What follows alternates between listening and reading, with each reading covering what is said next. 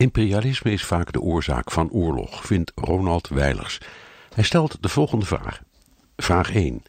Na de Eerste Wereldoorlog en tijdens de dekolonisatie trokken de westerse mogendheden allerlei grenzen. Wat zat daarachter?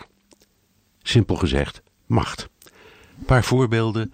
Sykes en Picot, die in 1916 rechte lijnen trokken op de kaart van het Midden-Oosten om het Ottomaanse Rijk te verdelen.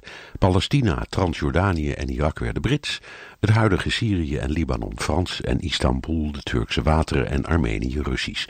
Of het Yalta-akkoord aan het eind van de Tweede Wereldoorlog, toen de Sovjet-Unie en Amerika Europa verdeelden. Vraag 2. Westerse landen hebben vaak dictators gesteund om opstandige stammen te onderdrukken. Zou de wereld er anders uitzien zonder die steun? Misschien, maar die stammentwisten zijn ook niet mals. Denk aan Congo, Rwanda, India en Pakistan, Afghanistan. Het was trouwens niet alleen westers imperialisme, maar ook Russisch.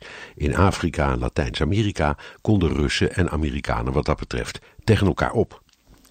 Vraag 3. Hadden de westerse landen er niet beter aan gedaan om de dictators die ze steunden op zijn minst te dwingen tot humaner bestuur? Dat is ook wel gebeurd. In Ivoorkust bijvoorbeeld kwam na de Franse koloniale periode Houphouët-Boigny aan de macht. Een echte verlicht despoot, maar hij knokte voor de welvaart van zijn volk. Frankrijk en de rest van het Westen steunden hem volledig. Maar daar staat veel steun tegenover aan moordenaars als Pinochet in Chili of Castro in Cuba. Het onderdrukken van oppositie vonden Russen en Westerse leiders vaak geen punt en eigenlijk in hun belang. Vraag 4. Gebeurt het nog steeds en doet China inmiddels mee? Het gebeurt nog steeds. Denk aan de Amerikaanse steun aan Saudi-Arabië of de Russische steun aan Iran en de Oekraïnse separatisten.